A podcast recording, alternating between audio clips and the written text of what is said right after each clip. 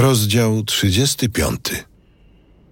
Rzekł Bóg do Jakuba. Idź do Betel i tam zamieszkaj. Wznieś też tam ołtarz Bogu, który ci się ukazał, gdy uciekałeś przed twym bratem Ezawem. Rzekł więc Jakub do swych domowników i do wszystkich, którzy z nim byli. Usuńcie wizerunki obcych bogów, które macie u siebie. Oczyśćcie się i zmieńcie szaty. Pójdziemy bowiem do Betel i tam zbuduję ołtarz Bogu, który wysłuchał mnie w czasie mej niedoli i wspomagał mnie, gdziekolwiek byłem. Oddali więc Jakubowi wszystkie wizerunki obcych bogów, jakie posiadali, oraz kolczyki, które nosili w uszach. I Jakub zakopał je pod terebintem w pobliżu Sychem. A gdy wyruszyli w drogę, padł wielki strach na okoliczne miasta, tak, że nikt nie ścigał synów Jakuba.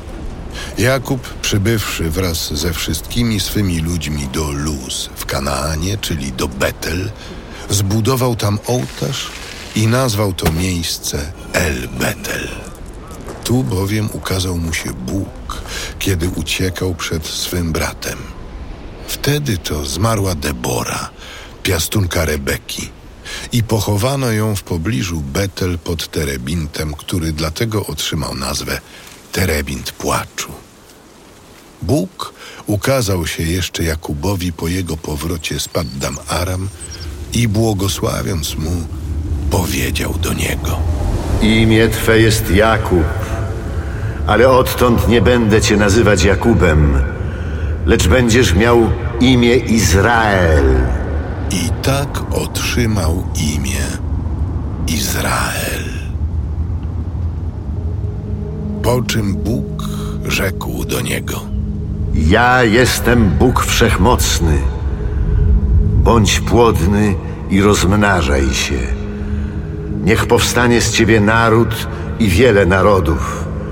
Niech królowie wyjdą z twych bioder. Kraj, który dałem Abrahamowi i Izaakowi, daję tobie i twemu przyszłemu potomstwu dam ten kraj. Potem Bóg oddalił się od niego z tego miejsca, na którym do niego przemawiał.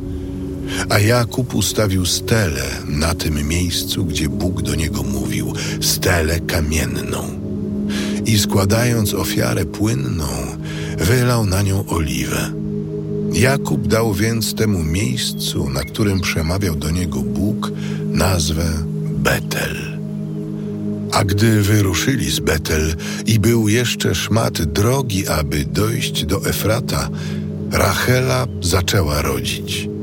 Poród jednak był ciężki i kiedy urodziła w wielkich bólach, rzekła do niej położna. Już się nie lękaj, bo oto masz syna. Ona jednak, gdy życie z niej uchodziło, bo konała, nazwała swego syna Benoni. Lecz ojciec dał mu imię Beniamin.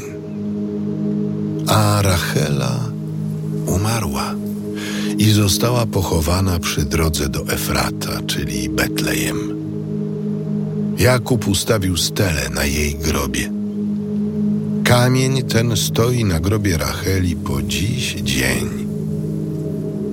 Izrael wyruszył w drogę i rozbił swój namiot za Migdal Eder. A gdy przebywał Izrael w tej okolicy, poszedł Ruben i zbliżył się do Bilchy, drugorzędnej żony ojca swego, i obcował z nią. Izrael dowiedział się o tym. Synów Jakuba było dwunastu. Synowie Lei. Pierworodny syn Jakuba Ruben, Symeon, Lewi, Juda, Issachar i Zabulon. Synowie Racheli, Józef i Beniamin. Synowie Bilchy, niewolnicy Racheli, Dan i Neftali. Oraz synowie Zilpy, niewolnicy Lei, Gad i Aser. Są to synowie Jakuba, którzy mu się urodzili w Paddam Aram. A potem Jakub przybył do ojca swego Izaaka, do Mamre, do Kirjat Arba, czyli do Hebronu, gdzie niegdyś mieszkał Abraham, a potem także Izaak. Izaak miał wtedy 180 lat. Izaak, doszedłszy do kresu swego życia, zmarł w późnej starości. I pochowali go jego synowie, Ezaf i Jakub.